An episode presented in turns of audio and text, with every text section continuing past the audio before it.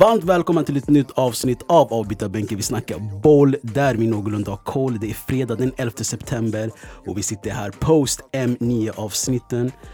Och vi vill självklart tacka alla fina ord vi har fått och eh, vi uppskattar det enormt. Och det, är, alltså, det är sånt här som får oss att vilja göra fler gästavsnitt, TBH.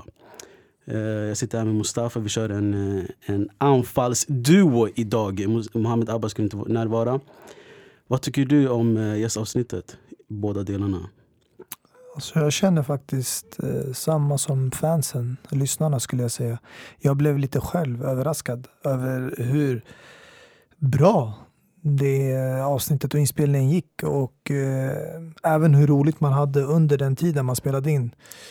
Eh, och eh, ja, Martin han eh, överraskade oss med eh, en del saker. Både i boken men även utanför. Exakt, han gav ju oss en, en, en deluxe-version på boken. Så det var ganska skönt att få höra Exakt. direkt från personen. För att man hör ju många eh, historier bakom de här artiklarna efter att boken har släppts ut. Precis. Och massa anledningar. Men eh, det bästa är ju liksom för det från själva personen som har skrivit ner det själv med sina egna ord. Exakt. Och det som var nice med Martin är att han, det var noll filter på honom. Och jag kommer ihåg när du ställde första frågan till honom, han, han rabblade på 20 minuter. Och sen sa han, ja, bror jag pepis din fråga direkt. och vi kollade på varandra direkt, vi bara det här kommer bli två delar. Men det blev två otroligt bra delar och uh, vi är glada för avsnittet. Ja, nej, men det var en annan sak jag tror inte heller man räknar med.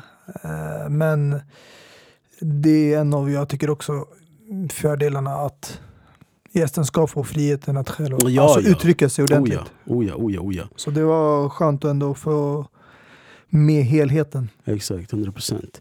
Eh, hans bok går fortfarande att vinna i vår Instagram. Alla instruktioner finns med där. Det sista datumet är 15 september, så se till att eh, ta chansen att vinna helt enkelt.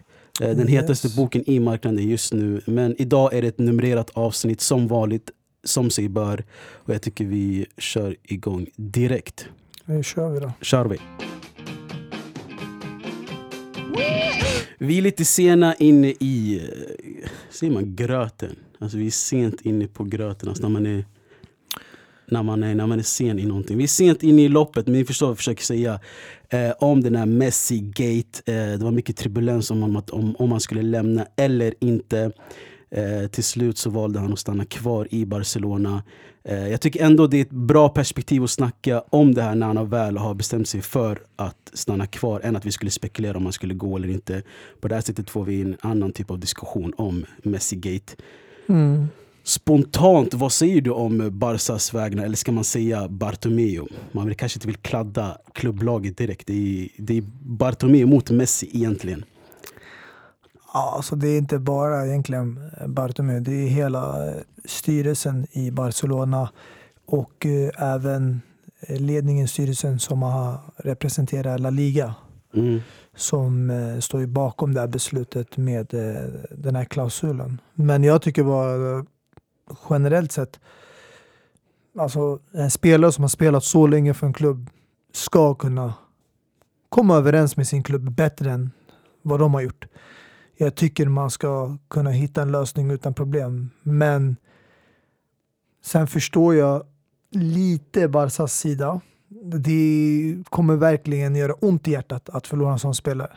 Självklart. Det skär, allt, alltså, det är... allt, alltså, allt har sin tid. Jo, jo, men en sån stor spelare det kommer lämna ett permanent R Såklart. på den här klubben. Och, alltså för, mig, för mig skulle det störa sig på sättet han skulle lämna om han gjorde på det sättet om han skulle gå till City, det här fönstret. Uh, för det är där han har spelat hela sin karriär. Och att han inte får en uh, alltså av, alltså bra avslutning av fansen och allting skulle lämna massa R som du säger. Men det är det som visar också att han är den större mannen i hela den här grejen. För att han väljer inte att ta Barcelona till rättegång. Precis. Med det här utav respekten för klubben, fansen.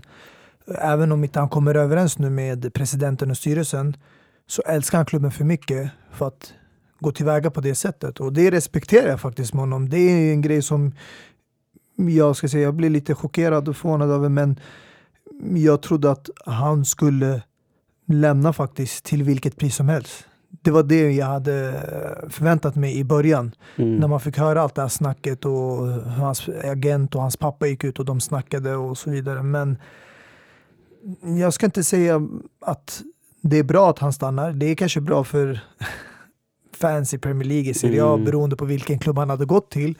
Men jag hade ändå sett det fram emot att han hade testat en ny, alltså en ny liga, ett nytt land och börjat ett nytt kapitel i sin karriär. Även om det är sent ute i åldern, han har inte så många år kvar. Jag hade ändå velat se Messi i en helt annat Ja, stadie. exakt. Och även om han spelade för en annan klubb som är rivaler med den klubben jag supportar. Man vill ändå se och uppleva den där känslan. Även om man har, liksom, han är en motsatt klubb där man möter honom som en liksom, motståndare. Men det känns nu bara att liksom, om inte det händer nu så kommer det inte hända. Ja, alltså jag vet inte. Jag tror att han kommer lämna nästa säsong. Men för oss fans kommer det inte vara likadant för han, kan, han har kommit upp i ålder nu och vi kommer inte se prime, prime Messi i Premier League. Men det är svårt att säga att han kommer lämna. Varför skulle de släppa honom nästa år om de inte gjorde det det här året? Nej, alltså jag tänker på alltså, om han vill lämna som en protest till styrelsen, till Bartomeu. Mm. Att, eh, för jag, alltså, grejen, han, han stannade kvar Barca enbart för fansen och kärleken han har till klubben. Han skiter ju fullständigt i ledningen och eh, Bartomeu. Om du, om du såg intervjun med Goal så gick han in i, i folk helt och hållet. Han sparade inte på några ord Mm. alls. Nej, alltså han sa ju ja, de hade genom åren eh, lagt upp, eller satt upp mål Mm, och de har inte levt upp till de kraven, målen som de själva har sagt upp. mm, De har gett löften till spelarna i Mm. klubben, de som är en del eh, management och de löftena har inte man alltså, stått fast vid och eh, levt upp till och det gör att vissa spelare känner sig missnöjda och vill gå vidare och eh, jag tycker att en spelare som har gett så mycket för klubben som Messi ska kunna lämna om han känner att det är dags. Mm, För han har själv tidigare sagt att han helst vill mm. avsluta sin karriär i Barcelona. Men om han kommer till en punkt där han känner det räcker. Nu känner att det är dags att ta ett nytt steg i karriären. Alltså, jag tycker man ska bara respektera det. Exakt. Alltså nu, jag sitter inte, man ska inte sitta och jämföra med andra spelare, men det finns situationer där många andra spelare har varit i en klubb i 10 år, i 15 år och de har lämnat, men man har gjort det i goda förhållanden eftersom det finns en respekt där mellan styrelsen, klubben, ledningen och spelarna. Exakt, alltså man vill ju se den här Can he do it on a cold night in Stoke? De här grejerna, förstår du? Menar, Stånga sig mot Louis Dunk och, och de här mittbackarna i Premier League. Alltså det skulle vara eh, en, en otrolig syn. Och för hans legacy också, alltså prova på en, en, en, en ny liga. Ja, alltså jag... Och verkligen bevisa om han är the real GOAT. Förstår du? Jag tror, ja, alltså med en tränare som Guardiola, inget är omöjligt. Mm, För de har haft det bra tillsammans tidigare. mm, Så han skulle nog kunna få ut det bästa av honom. Även om han är inte lika ung som han var när han spelade innan med Guardiola. precis. Men eh, det är synd. Det är ett kapitel man får vrida där nu och eh, det, jag tror mycket hänger på Barca säsong nu. Mm, För att gör de en bättre säsong än vad de gjorde förra året, det kan få honom att liksom tänka om. För att en säsong är ganska lång. Det är nästan nio månader, tio månader där.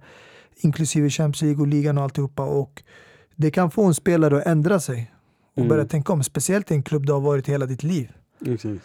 Så vi får se hur de kommer förstärka laget nu. Det ryktas ju mycket med holländska spelare på grund av tränaren. Exakt, på tal om det, på tal om vända blad och på tal om eh, Holland. Ronald Koeman har tagit över rodret.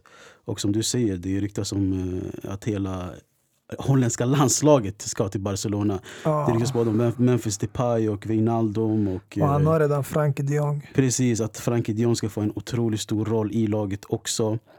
Eh, spontant, vad tror du om eh, Ronald Koeman i Barcelona? Alltså jag personligen jag har inte höga förhoppningar om honom. Eftersom han har inte varit så lyckad på klubblagsnivå. Mm. Landslaget tycker han ju det är riktigt bra med Holland. Under eh, Nations League. Precis, kom Och- tvåa. Ja, han eh, verkligen byggde upp ett nytt eh, landslag. Där framtiden som man kollar på alla de här spelarna som befinner sig i nuvarande klubbar och har nyligen gjort de här flytten. De Ligt, de Jong. Eh, men alltså att, jag, jag förstår inte det här uh, tränarna som är besatta av spelare de har coachat tidigare.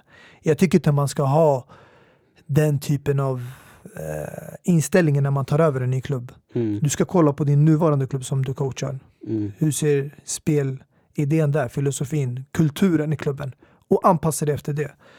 Jag tror Wijnaldum skulle vara ett bra tillägg till dagens Barcelona. Han är en all-around mittfält. Han kan spela nästan alla positioner i mittfältet. Och eh, det skulle ge en bra bredd på truppen nu när de har tappat eh, Artur och Vidal och Rakitic.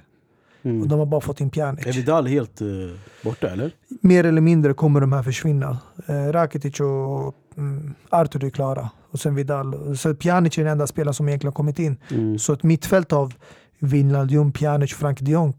Det skulle jag verkligen gilla att se. Och sen har du också en Coutinho som folk har glömt bort. Som kommer tillbaka från lånet. Precis. Eh, däremot, det anfallet jag tvivlar på. Jag tror inte Depay är den rätta ersättaren till Luis Suarez. För det är för mig olika speltyper.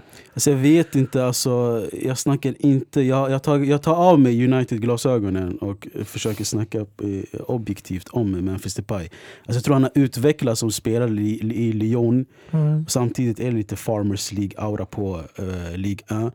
Men han har utvecklats och mognat som en spelare. Alltså han har Holland på sina axlar, han har Lyon på sina axlar. Eh, och jag tror definitivt alltså att om han låter sig själv spela under Messi så tror jag att han kan lyckas. Men är han den speltypen som den här uh, Poachen, mer eller? mindre, ja, Nian. poacher, nian, box to box och den här Nej. uh, som du förväntar dig att han sprutar in kanske 20-30 ligamål. Han gör inte så det i franska ligan. Men ska han komma och göra det i La Liga Nej. bara för att han spelar Messi? Det finns den möjligheten men är du den spelaren som tar de löpningarna, befinner dig på de här uh, rätt plats vid rätt på, eh, till, alltså tid och sen positioneringen som en riktig striker har. Ja, jag håller med. Jag håller med. Alltså, är, han han är, är mer den som kommer in från kanten. Precis, och tar sin extra touch och ska kladda lite extra på bollen och så vidare. Alltså Barca behöver en Harry Kane, rakt av. En oskadad Harry Kane Alltså jag trodde att de skulle gå ut efter antingen Firmino eller Lautaro Martinez. Mm. Det är de två spelarna som jag hade sett skulle kunna passa in i den rollen som Suarez kommer lämna efter sig. För sen har du också speltyper som gillar att spela som second striker eller kanterna och det är Osman Dembele och sen Griezmann. Mm. Man får inte glömma bort dem, så de kommer ju ha ganska brett på truppen. För det verkar inte som att någon av de här kommer lämna den här sommaren i alla fall. Nej, precis inte. Så det, det, är, det är ett stort jobb Koman står framför alltså det här året. Mm. Och jag vet inte om han klarar av det alltså, med de här värvningarna som han eh, riktar in sig mot. Precis. Men på tal om uh, GOATs och på tal om jätter i overall. eh, det är svårt att, att snacka om Messi utan att eh, nämna Cristiano Ronaldo också som har slagit rekord i, i dagarna. Gjorde sitt hundrade och hundraförsta mål eh, mot Sverige. Eh, alltså det, det är såna här grejer som får mig och, och uttala mig att Ronaldo är the GOAT. Alltså han, vart än han går så levererar han. Vare sig det är landslaget, Premier League, La Liga eller Serie A. Det här ska inte bli ett Messi vs Ronaldo avsnitt men man kommer aldrig ifrån de här diskussionerna, absolut inte. Men jag tycker, vi har snackat om Messi i sin individnivå och jag tycker vi bör hylla Cristiano Ronaldo i sin individnivå också. Det är en helt, helt otrolig spelare. Absolut. Alltså jag har alltid sagt, det är min åsikt, att Cristiano är den bättre för att den som har kapaciteten att kunna visa sig i hela världen på alla scener. Det är den som är den bästa för mig. Sen talangmässigt, personligt. Alltså det, folk jämför ju liksom detaljer där Messi är mer talangfull. Mm. Han är född på det här sättet att han driver igenom spelare och kommer att ta sig så enkelt förbi. Men det finns många spelare som drar sig förbi spelare och har mycket enklare att liksom ta, utmana två, tre spelare på en gång än Cristiano. Mm. Det finns spelare som Neymar till exempel, förstår du? Mm. Som kan göra de här finterna som inte du ser Cristiano. Men det betyder inte att du är en bättre spelare. Och du är the GOAT. Alltså, jag kollar på helheten. Och Ronaldo, bortsett från sina mål, han kanske inte ger lika många assist som de andra, men han ger så mycket mer på planen. Många pratar till exempel om Ibrahimovic. Mm. Han är inte en av de bästa strikers nummer nio idag. Du har många som man kan ta upp och nämna. Agüero, Suarez, Lewandowski, eh, Benzema. Det finns många strikers. Men det han har, det är en annan aura också. Som han tar med sig. Och det ger en annan påverkan på laget. Och det är därför vart än han går, folk känner att shit, det här är ett vinnarlag. Det blir den mentaliteten. Men Messi, först och främst, vi har aldrig sett honom utanför Barcelona. Det enda stället vi har sett honom utanför Barca det är Argentina. Och alla som har följt dem genom åren har märkt att det inte är så lyckat. Ja, de har varit där och nosat en gång Copa America, de förlorade på straffar. Och sen finalen mot Tyskland i VM. Men alla de här nära ögat, det var aldrig de som var favoriter. Det var aldrig de man såg som solklara favoriter som kommer ta hem det med enkelhet. Det var alltid en stor utmaning. Och Ronaldo, Alltså är... det känns som att Ronaldo, det är jättesynd för att han får mer kritik än vad Messi får. Mm. Men ändå, förr eller senare, han motbevisar alla. Alltså Cristiano får mer kritik för att han är utåt the bad boy. Där Messi är the good boy. Förstår Men han är inte bad. Nej jag vet, jag säger bara utåt hur man ser på det och, Alltså- och allting. Alltså, Cristiano är ju en, en, en mentor för sina spelare. Även Kulusevski eh, uttryckte det att Cristiano hjälper han jättemycket. Och att, och att eh, jag läste att, eh, alltså inte för den här intervjun, att alltså, han hjälper ungdomarna och han är mentor för dem och allting. Även om det syns utåt och så. Mm. Och för att inte fastna på den diskussionen för länge. Alltså jag säger så här, alltså, om det här var en individsport, om det här var tennis, om det här var golf, då skulle Messi vara den bästa. Alltså om man sätter de här spelarna i vakuum. Men det är inte golf, det är inte tennis. Det, det är alltså... Det är lagsport. Ja, exakt, det är lagsport där du behöver mentaliteten, där du behöver pusha dina spelare och verkligen bevisa när det, när det gäller. Du, alltså, många säger ja, Messi eller Ronaldo kan vinna en match på egen hand. Men tekniskt sett, de vinner ju aldrig en match på egen hand. Mm. Det måste finnas ett försvar, ett mittfält som fungerar tillsammans. Ett lag där alla spelare klickar ihop och hela laget. Om inte det funkar, då kommer inte du vinna.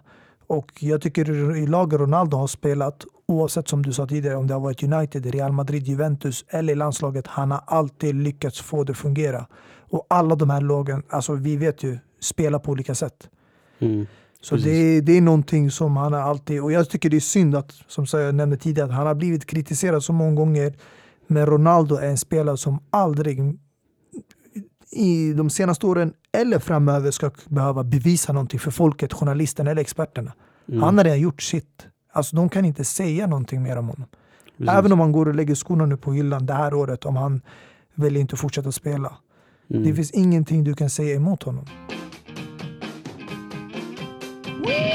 Vilket jävla skämt! Ytterligare ett bevis. Inkompetenta personer på fel positioner som kväver svensk fotboll. Jag citerar Zlatan Ibrahimovic tweet. Du var inne på Zlatan innan övergången. Och ganska aktuellt ändå vad han sa om Janne Andersson inför Frankrikes match när Dejan Kulusevski var bänkad. Mm. Spontant, vad, vad, vad tycker du om Zlatans uttalande? Ska vi, ska, vi börja, ska vi börja med att du inte är eh, största fanet av Zlatan? Nej, men oavsett eh, om jag är stort fan av Zlatan eller inte, det kommer inte ta ifrån honom de, alltså, personligheten och kvaliteten som han besitter. Det kommer alltid finnas kvar. Men eh, jag tror inte jag eller någon annan i det här landet är förvånad av det där uttalandet. Det här är ju bara fortsättningen av det Janne och Zlatan haft tidigare mellan varandra. Mm, det, är en, det är en beef de har haft menar du alltså? Ja, och Ända det, från, det känns som att varje gång Janne i framöver också inför Nations League och eh, i EM nästa år. Om han gör något beslut som inte liksom eh, ge, ja, inte väcker någonting gott hos folket som de känner att det här är en tränare de vill ha kvar. Så fort det är någonting som kritiseras av fans, då kommer Zlatan vara där och uttala sig. Men vad, håller du med honom? Att inkompetenta personer kväver svensk fotboll? Jag skulle inte kalla Janne inkompetent. Ja, absolut inte, nej. Det är på den nivån är det inte så. Han är en bra tränare och det har han visat eh, både eh, VM-kvalet och under VM när han tog Sverige till kvartsfinal. Även fast det var många som inte trodde på det där laget. Så, så hårt skulle jag inte gå mot honom. Men det finns ju en viss bakomliggande orsak till det uttalandet. Och det är för att Dejan Kulusevski har haft ett skitbra år bakom sig. Ja, och alltså, alla har ju känt tidigare, okej okay, men Janne är kanske den tränare som ger mer chansen till unga spelare och speciellt spelare med utländsk bakgrund. Och det har vi sett på spelare som Alexander Isak, Robin Quaison och de här. Men jag tycker inte det är fel att han sätter Kulusevski på bänken just en match bara för att han vill kanske spela på ett visst sätt. Han har ju ändå kanske en taktik mot varje lag han möter och om han känner att det finns andra spelare som passar in bättre i den rollen så är det kanske värt att testa. Så det är ingenting man kan hoppa på någon bara för att. Alltså grejen är utifrån, alltså, alltså om man inte bor i Sverige eller någonting och ser att Dejan Kulusevski köptes av Juventus för 40 miljoner. Han ska spela med Cristiano och Dybala och alla de här och bli bänkad för Marcus Berg. Men har han spelat än med dem? Nej men han blev köpt av 40, alltså 40 miljoner av Juventus. Han... Alltså, jag försöker bara förtydliga och understryka vilken stor stjärna han är, han är på väg att bli. Jo, jo, men idag, dagens marknad, de där summorna är vanliga. För mig, frågan är vart har han spelat och vart har han bevisat sig? Det är ju i Parma. Och han blev ju Inte han, i... blev, han blev röstad som eh, den bästa yngsta spelaren i Serie Absolut, och det har han Alltså det förtroende har han blivit betald med genom att man har tagit med honom i landslaget och han har ju fått starta en match mot Portugal och gjort ett inhopp och kommer troligtvis få spela mycket mer framöver men du måste ju bygga upp det. Bara för att du blir köpt av ett topplag kan du inte förvänta dig att gå in direkt i startelvan. Nej, alltså, Så enkelt jag... är det inte. Du måste också visa att du klarar av att spela på den nivån. När han väl sätter på sig Juventus-tröjan, om inte nu han blir utlånad igen, och börjar spela för Juventus i ligan, utmana om scudetton, spela i Champions League, möta de topplagen i Europa. När du börjar bevisa där på stora scenen, då kan du bli garanterad en startplats. Jag säger inte att de här Marcus Berg de här gör det nu, men de här har ju varit i landslaget och etablerade sedan tidigare. Ja, och det är alltså, därför de får jag, chansen innan. Det jag försöker säga är att eh, först och främst matcherna de spelade, Frankrike och Portugal. Mm. Är det så stor prestige på dem? Nja, kanske inte. Sverige är redan eh, kvalet till EM och Nations League. Jag vet inte hur, hur mycket man... Eh... Nations League nu, det är väl är det inför jag ingen, VM? Alltså jag, har ingen, alltså jag är nej, det kan inte vara. För EM är ju redan klart. Exakt. Uh, så, alltså det jag försöker säga i alla fall, jag tror inte matchen hade så stor prestige på det sättet. Och att uh, om det här var en VM-gruppsmatch och Dejan var bänkad då kanske hade man alltså höjt på ögonbrynen ännu mer. Men... Eh, nu tappar jag tråden helt. Jo, jag tycker Janne har inte så bra koll på fotboll overall. Jag tycker han är en bra tränare när det alltså matchcoaching och sådär. Han är en bra tränare. Men jag tycker inte han har bra koll på fotboll utanför landslaget overall. Alltså man har ju sett Alltså han, han behåller de här dinosaurierna i laget fortfarande. Sebastian Larsson, Marcus Berg, Granqvist vägrar han släppa. Han är bara skadad. Han skulle starta bredvid Lindelöf eller Pontus Jansson. Och de här. Du har Gurra Svensson som spelar i... Alltså, jag tycker bara allmänt... Alltså, Gareth Southgate, eh, Portugals eh, tränare, alltså ta in en Calvin Phillips, alltså gå på form hela tiden. Förstår du vad jag menar? Men Gareth Southgate har också fått väldigt mycket kritik. Ja, men jag menar alltså om, om du jämför hur många spelare som får chansen i landslaget och om du ska kolla på hur viktiga matcherna är så spelar Janne ändå som att det här är alltså, VM-final varje gång. Alltså Seb Larsson ska starta, Marcus Berg ska starta. Men det här är ändå, det har ju konverterats från att det var träningsmatcher till att man har gjort i Nations League för att det ska bli en sorts tävlingsmatch. ja. Att det ska finnas Ja någon exakt, prestige. för pengar och allting och spelarna har själv klagat på att man får inte vila och alltså, Men jag menar, alltså jag läste igår till exempel Dennis Hadzi Kadunic har Mm. valt Bosnien före Sverige. Och vet du vad Dennis spelar? Han spelar i Rostov i ryska ligan. Och Rostov är ganska etablerat lag ändå. De har, man, man har sett dem i, Europaspel, de har mött Mm. Europa United, League, exakt och så absolut. vidare. Men tror du Janne har koll på Dennis? Jag tror inte det. Alltså jag tror det är delvis hans jobb men han har ju också sina assisterande tränare och hela management som måste hålla koll och scouta de här äh, mer udda ligorna runt om i Europa och ha koll på väl alla svenska spelare som spelar ute i Europa. Alltså jag tror bara Janne har en uråldrad sätt att se på fotboll. Hänger du med? Jag tycker Alltså det är svårt att kritisera honom nu förhand eh, på grund av just de här två matcherna för jag känner ändå att oavsett om han hade startat, eh, nu fick ju Dejan starta den andra matchen men oavsett hur han hade valt att spela så tror jag inte de hade haft någon chans mot varken Portugal eller Frankrike. Men det är en helt annan Men femma. jag vill åtminstone ge honom en chans och se hur han gör ifrån sig i, under EM-mästerskapet. Mm. För att han gjorde mer än godkänt tycker jag under VM.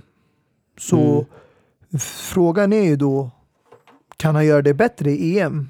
Där det är kanske mindre konkurrens. Det är ändå topplagen kommer ju från Det är Europa. det jag ser. Alltså man, man ska inte kritisera Jannes eh, eh, prestige och, och utmärkelse, vad han har gjort med landslaget. Absolut inte. VM 2018 var en av de bästa grejerna som Sverige har med sig sen Mm. i, i VM i USA, brons, eh, bronset. Mm. Så Janne ska inte kritiseras när det kommer till resultat och så, absolut inte. Man ska kritiseras när det kommer till landslaget och vilka spelare han väljer ut och hur han eh, väljer och, eh, och spela och så vidare. Tycker jag. Ja, alltså jag, jag håller med dig till en viss del men jag känner att han borde få en lite mer ärlig chans och att hållas fast vid spelare som eh, Sebastian Larsson, Granqvist och de här äldre generationen det är väl för att man vill ha en viss erfarenhet i laget. Man vill inte bara ha unga spelare. Eh, det gäller att hitta en balans som alla lag försöker göra men om ni ger det några år så tror jag att snart kommer du se en helt annan trupp i det svenska landslaget. Det gamla kommer ersättas av det nya. Mm, exakt. Det är bara en tidsfråga. Ja. ja, vi får se helt enkelt. Alltså. Eh, Men det är kul att Sverige är kvalet till EM och så vidare. Eh, Men jag tänker på, vi nämnde Southgate och vi nämnde unga spelare och såna grejer. Vet du vart jag vill ta segwayen eller? Ja, tyvärr har ju de äldre, mer moderna, eller ja, de mer klassiska spelarna ersatts av de nya. Och alla nya unga är inte lika mogna, om man säger så. Tyvärr. Exakt, vi snackar självklart om Mason Greenwood och eh, Phil Foden. Jag har Ja. hittat faktiskt eh, videoklippet när, när tjej, tjejerna de skulle träffa la på dem högt. Ska, ska vi ta och lyssna på det? Again? What was you saying? What's the plan? What's the plan? Mm. Depends what you want. Said depends what, what do you want? We we can come to a hotel, but I don't know how y- you're gonna sneak us in. What, what are you coming to the hotel for? What do you think? What does she want? Yeah, what you think, bro? Det jag tycker är skitkul det är att eh, man hör Phil Foden säga eh, alltså, what, what, what do you want to do? Så Mason i bakgrunden. What do you think?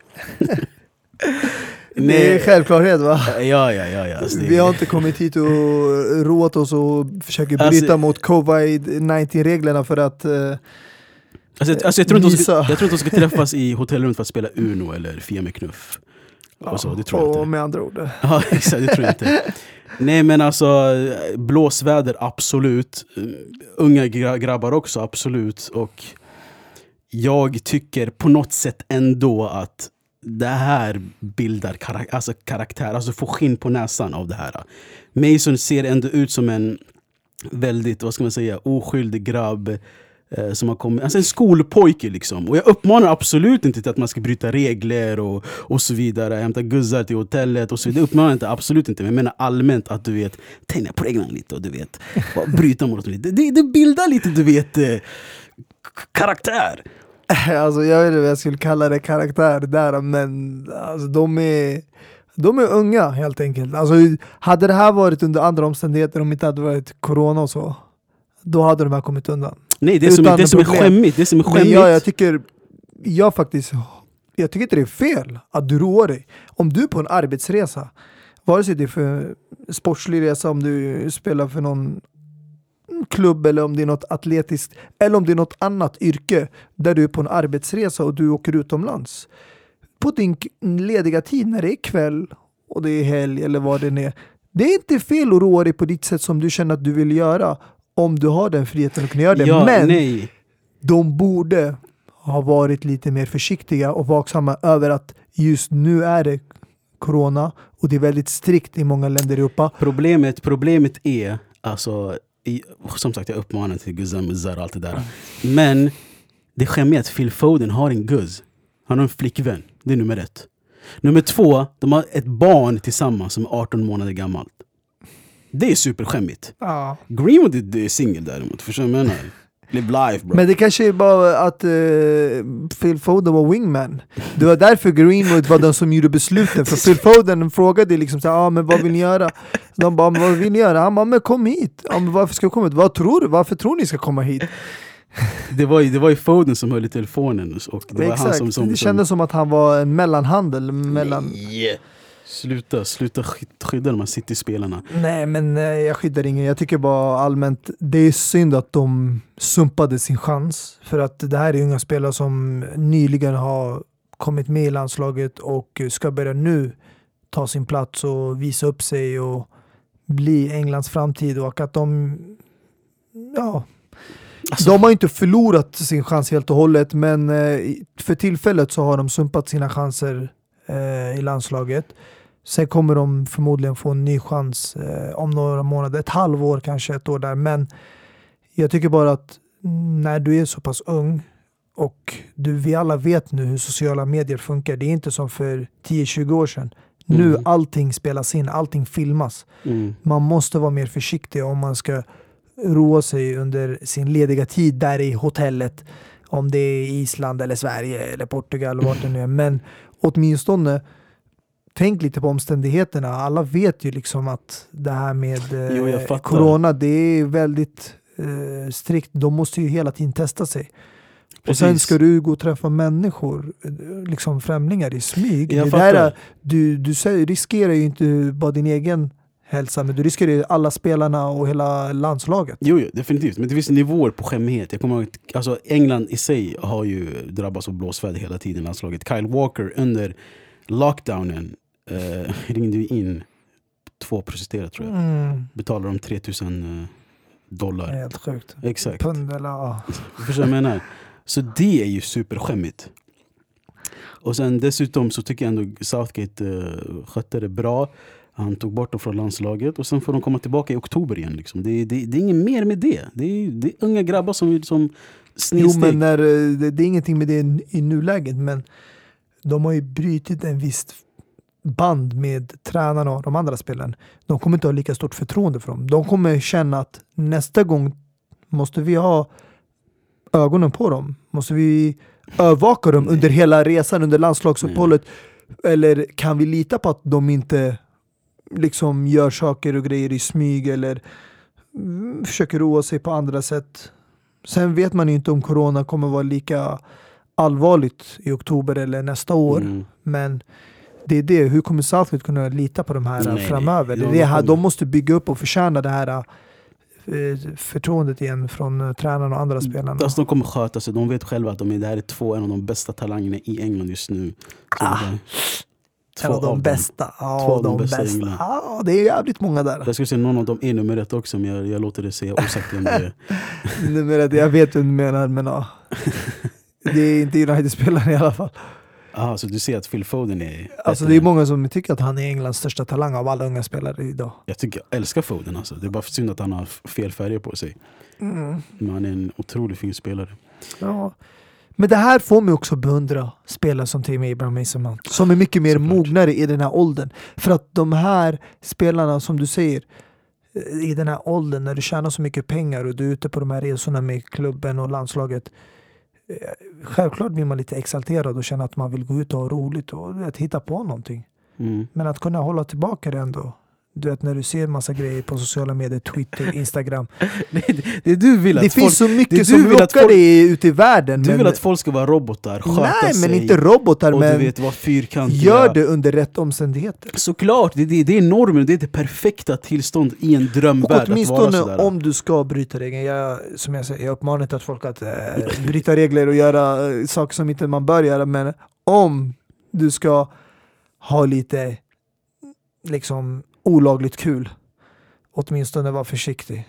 Var lite smart. 100%. Gör det på rätt sätt. 100%. Eh, ska vi ta och avrunda det avsnittet med lite transfers då? Eh, du var ju inne i, i Chelsea, eh, jag tycker vi, vi tar segwayen dit. Eh, Mm, det känns som att segwayen kommer stanna där, det kommer Nej. loopa där runt i de blå färgerna. Exakt, jag vill snacka gärna om Everton också för vi nämnde Coman och Coman är lite relaterat till Everton också och de har Mm. gjort otroliga värvningar också. Men jag tycker vi börjar med Chelsea också snabbt för vi, vi snackar mycket om Chelsea, vi kommer snacka mycket om Chelsea också så jag tycker inte vi fastnar för dem för mycket. Men eh, ser du fram emot på måndag då? Absolut. Jag ser fram emot När ni eh, möter, när eh, jag ser sådana här värvningar, sånt här lagbygge. Brighton möter ni, exakt. Eh, jag ser jättefram emot, eh, inte bara första matchen, premiären, men även hela säsongen i helhet. Jag ser fram emot eh, ja, vad som kommer hända, hur det kommer ske. Och det är jättespännande måste jag säga. Det har inte varit så här spännande sedan, jag tror, Mazakar-perioden. Och det var året när Alltså, att, alltså att de ens fick ens ett, ett smeknamn tillsammans, den här trion är ju så otroligt. Förklara gärna vem Mazakar är, så folk, folk vet ju inte vem det är obviously. Ja, eh, Ma kommer ju från Juan Mata. Ma, Eh, och sen Zaid kommer från Hazard exakt. Och Kar kommer från från Oscar. Oscar.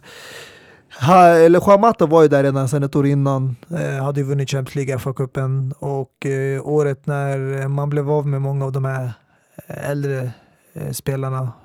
Drogba, Lampard, Anelka, Ashley Cole, Kalou, Malouda. Alla de här gamla generationen. Då kom man in och hämtade in nya spelare. Det var ju då Hazard, eh, Oscar, Juan Mata. Jag kommer ihåg att Victor Moses också var även med där. Köptes in inför det året. Eh, och då fick man den här nya trion helt enkelt. Den fick ett eget namn. Mm. Och eh, det här sommaren officiellt, eh, eller inte officiellt egentligen, förra året blev man av med Hazard. Och innan det har man redan sålt Juan Mata och Oscar. Men den senaste trion man har haft de senaste, senaste säsongerna har ju varit Hazard, William och Pedro.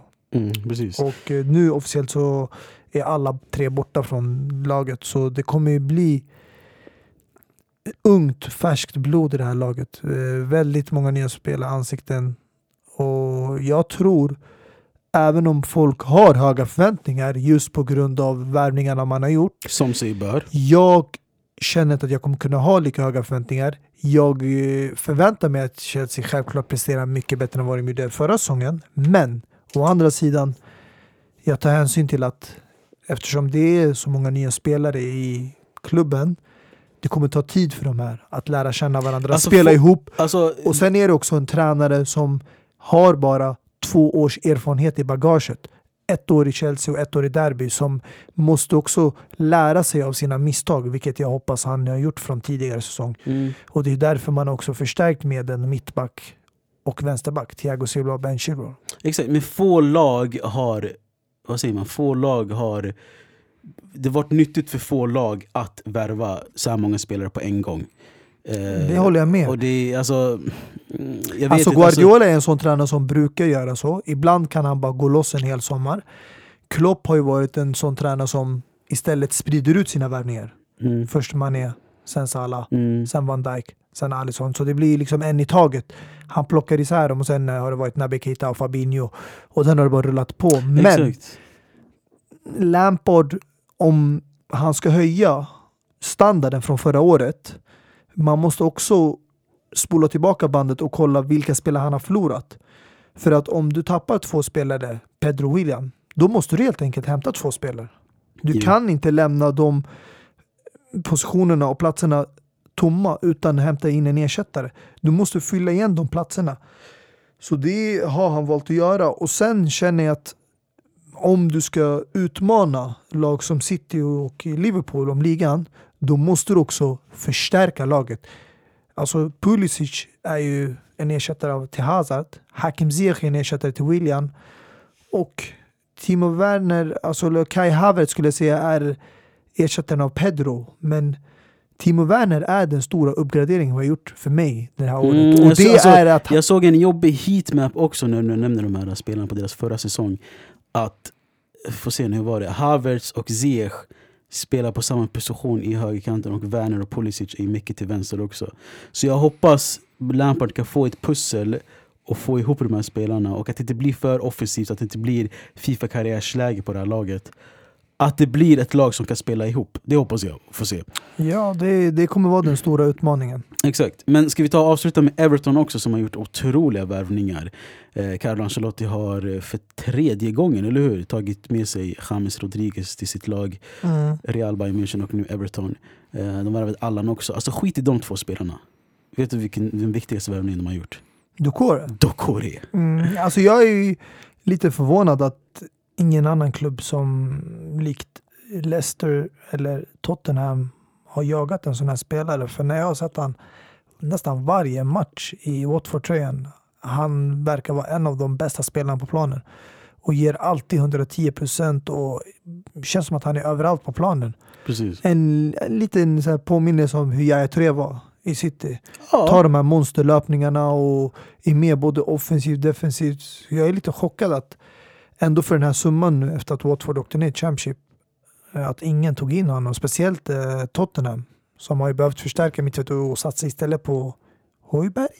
Ja, Höjbjerg. Jag hörde ju att eh, Mourinho tog upp telefonen och han sa ah, jag vill att ni hämtar spelare. Skulle ni kunna värva Pierre? Men han hade inte avslutat meningen. Vad jag tror jag skulle säga Emerick Aubameyang. Exakt. Eh, Det blev istället Hojberg va? Ja. Southampton-spelare. Men, ja. Ja. Det, det, det är därför jag känner att folk sätter väldigt hö, höga förväntningar på Chelsea. Men det är många andra klubbar som kommer ha Ja, men alltså, Alltså Everton, om jag får fråga dig nu. Mm. Med de här värvningarna de har gjort. Alltså vad tror du deras mål är? Med Allan, Ducore, James Rodriguez och så har de med den Richarlison och de här Exakt. Bernardo. Lägg till en, en, en landslagsmålvakt också där i buren. Eh, Är det Europa League-platserna? Jere- Jeremina och sen eh, Michael Keane. Alltså det, det är ett otroligt Tror fint inte lag. de här vill vara på samma nivå som Leicester City som utmanar Champions League-plats? Successivt såklart, men det är Euro Europaspel det gäller nu. Alltså komma upp i topp 6. Jo, det är delvis det också, men jag känner bara att med de här värvningarna och investeringarna som Everton har gjort de senaste åren, de ska kunna utmana om Champions League. Mm. Och med en tränare som Carlo Ancelotti. Det är det de siktar på, absolut. Så han har ju inte bara erfarenhet, han har ju Champions League-titlar i bagaget. Mm, nej, inför säsongen, det är det de siktar på. Och sen om de kommer topp 6 är det en otrolig bedrift också. Det ska bli skitintressant att se det här laget. Alltså. Ja. Ehm, men på tal, jag vill bara avsluta det med på tal om eh, Tottenham. Har du sett deras nya serie i eh, Amazon Prime? Ja, jag har inte sett hela, men jag såg en liten del av klippet. Ja, alltså, den är så jävla skön alltså. Ehm, Det sätter ju ganska mycket press på dem själva nu Precis. när man eh, gör en sån där video.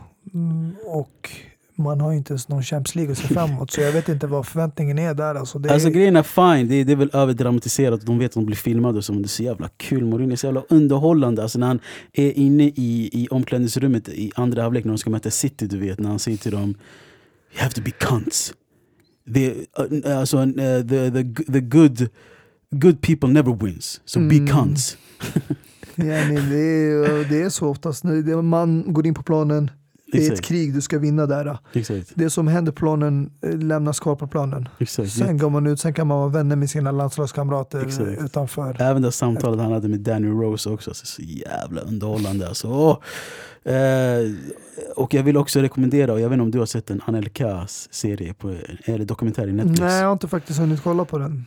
Eh, Men jag har hört att den ska få ett bra betyg. Om vi ska göra så här, se till att kolla på den innan nästa avsnitt så kan vi ha en liten chit-chat om den. Absolut. En- en fem, Anelka är faktiskt då var Du skulle älska det. mina favoritspelare under Ja, Chelsea-tiden. men ska vi säga så att vi, vi har en chit-chat om Anelka-dokumentären i nästa avsnitt? Absolut. minuter i alla fall. Jag tycker det, det skulle vara en, en liten eh, rolig grej. Så kan man eh, kolla lite på vad andra spelare har gjort för dokumentärer. Exakt. Griezmann har gjort två också. Och så bara- Två! Han har, det var ju en när han sa jag skulle säga jag ska, alltså, mitt beslut om jag ska Ja stanna just eller det, inte. den där. Exakt. dokumentären sen när han skulle stanna kvar men sen blev det en ny när han lämnade. Exakt. Clowneri. Eh, med det sagt då, det är fredag den 11 september och vi är tillbaka till våra numrerade avsnitt. Härligt! Eh, som sagt, det går fortfarande att vinna Äkta hela vägen boken på våra Instagram fram till 15 september, så se till att ta chansen. Eh, Och PL Fantasy börjar nu helgen. Precis. Koden finns ute på Insta och eh, annars kan man ju eh, söka upp namnet men koden finns ju där ute på inlägget. Precis. Instruktionerna också. Och Allmänt. senast för att skapa lag och gå med är eh, imorgon va? Eh, Det är ju 12.30. Ja, exakt. Eller man kan ju hoppa in senare men eh, inför debuten, eh, om man ska vara med första omgången, då är det senast imorgon klockan 12 där. Då. Precis, precis. Så då gäller det bara att skapa där och gå med. Exakt. Eh, tyvärr avbröts ju förra säsongen på grund av Ja. Corona. Tyvärr, tyvärr. Men som sagt, all instruktion och all info finns på vår Instagram. Och vi hörs någon gång nästa vecka. Vi gör så. Peace! Barbie Hey pretty girl, vill du dansa? Aha, du tycker vill jag dricker Fanta Aha, om du vill vi kan blanda Kan du prata lite spanska? Baby girl jag vet du tycker auran är nice Jag vet du, ah, du är sauce, du är spice Bli en family Om du vill och jag vet det är harmoni Det är harmoni, oh yeah. Aha, jag la designer på din body baby. Mhm. På din body baby. De fina ting som du glider i På din, på din, på din body baby. Designer drip, designer class Designer painting, designer sauce. By force, by force. Klart jag ger dig allt of course. Painting sauce. Jag vet du låter mig stay inne Jag vet vi kommer chilla till the morning